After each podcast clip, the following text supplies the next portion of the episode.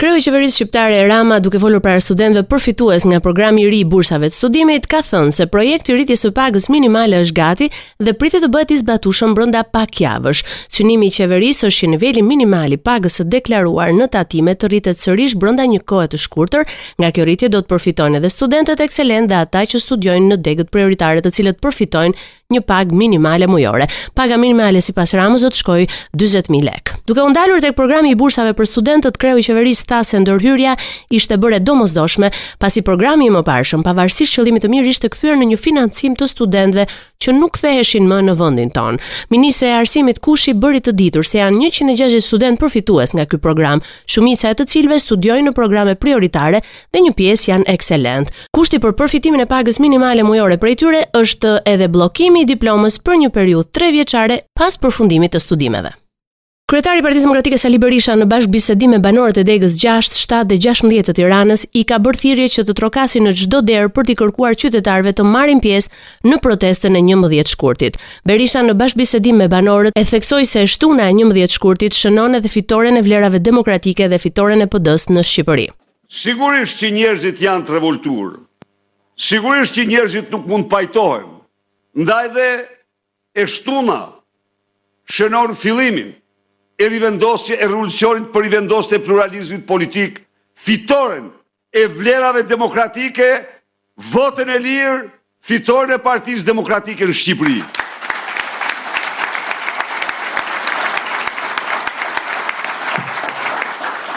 Skenari, skenari kundër opozitës shqiptare, Pasi dështoi me marrjen peng të Lulzim Bravës, pasi dështoi me, me shpalljen time non grata, vazhdon në mënyrën më kriminale, me përpjekjen për të mos regjistruar vendimin e gjykatës në regjistrin e ku regjistrohen partitë dhe shoqatat në çdo vend të lirë të botës. Pra, në këtë mënyrë, partia e krimit, partia e drogës, partia e genocidit ndaj shqiptarëve, kërkon ta asgjësojë Partinë Demokratike, por nuk jemi më në dyzet e gjashtën ne. Dhe s'do mund ta bëjë kurrë. Ndaj dhe jemi në këmbë Në këmbë për t'u përballë me të dhëmb për dhëmb! Kryedemokrati tha se në njëmbëdhjetë shkurt Shqipëria do të marshojë drejt Tiranës dhe Tirana do të derdhet në rrugë. Në një takim me të dërguarin e posaçëm të qeverisë britanike Lord Stuart Peach për çështjet e Ballkanit Perëndimor, presidenti Begaj ka vlerësuar vëmendjen e madhe që qeveria britanike i ka kushtuar rajonit të Ballkanit Perëndimor, si dhe përshëndeti rolin e Lord Peach në promovimin e institucioneve të forta demokratike dhe mbështetjen për adresimin e sfidave të lidhura me sigurinë. Kur vjen puna për zhvillimet më të fundit në rajonin e Ballkanit, presidenti Begaj nënvizoi faktin se rajoni po kalon momente të vështira sa i takon paqes dhe sigurisë, të ndikuara këto dhe nga influenca ruse tek disa prej aktorëve rajonalë. Duke u ndalur tek dialogu mes Kosovës dhe Serbisë, presidenti Begaj vlerësoi vullnetin e demonstruar së fundmi nga autoritetet e Kosovës për të mirëpritur propozimet e partnerëve ndërkombëtarë dhe nënvizoi domosdoshmërinë e arritjes sa më parë të një marrëveshje gjithëpërfshirëse dhe të zbatueshme mes palëve.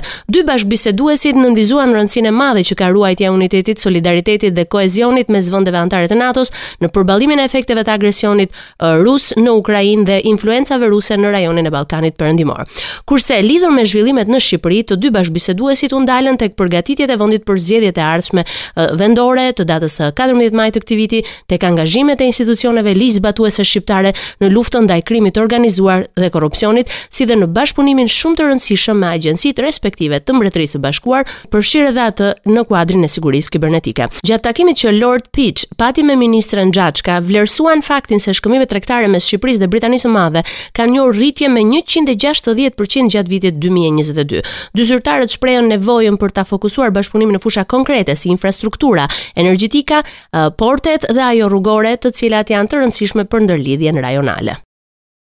Inflacioni i lartë i ka bërë bizneset më të pasigurta për të ardhmen, si dhe ka ndikuar në tkurrjen e fuqisë blerëse të familjeve shqiptare. Këto vlerësime i ka bërë raporti i politikës monetare të Bankës së Shqipërisë, sipas të cilës inflacioni mesatar ka shënuar vlerën 7.9% në tremujorin e katërt të 2022-shit. Megjithatë, në gjithë nivelin e lartë, inflacioni ka shfaqur një rënie dy muajt e fundit të vitit të shkuar për shkak të ngadalësimit të çmimeve, kryesisht produkteve bazë. Kjo dhe faktorë të tjerë si përmirësimi i situatës në sektorin energjetik bënë që Banka Qendrore të mos rishikojë politikën monetare në mbledhjen e shkurtit, duke mbajtur të pandryshuar në dy .75% normën bazë të interesit. Ekonomia shqiptare sipas bankës ka treguar rezistencë ndaj krizës dhe inflacionit të lartë dhe rritja ekonomike për vitin e kaluar vlerësohet me 4%. Por për vitin e ardhshëm shton se ritmet e rritjes pritet të jenë më të ngadalta si pasojë e situatës së pafavorshme me çmimet e larta, gjë që mund të reflektohet në një rritje më të ulët të kërkesës së huaj për mallra dhe shërbime, pasiguri të shtuar të agjentëve ekonomikë si dhe rënie të fuqisë blerëse.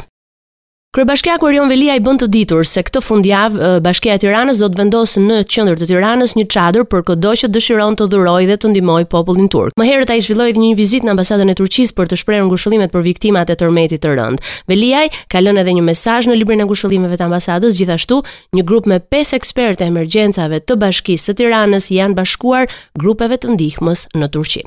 Raportoi nga Tirana për Radio SBS Gerta Heta.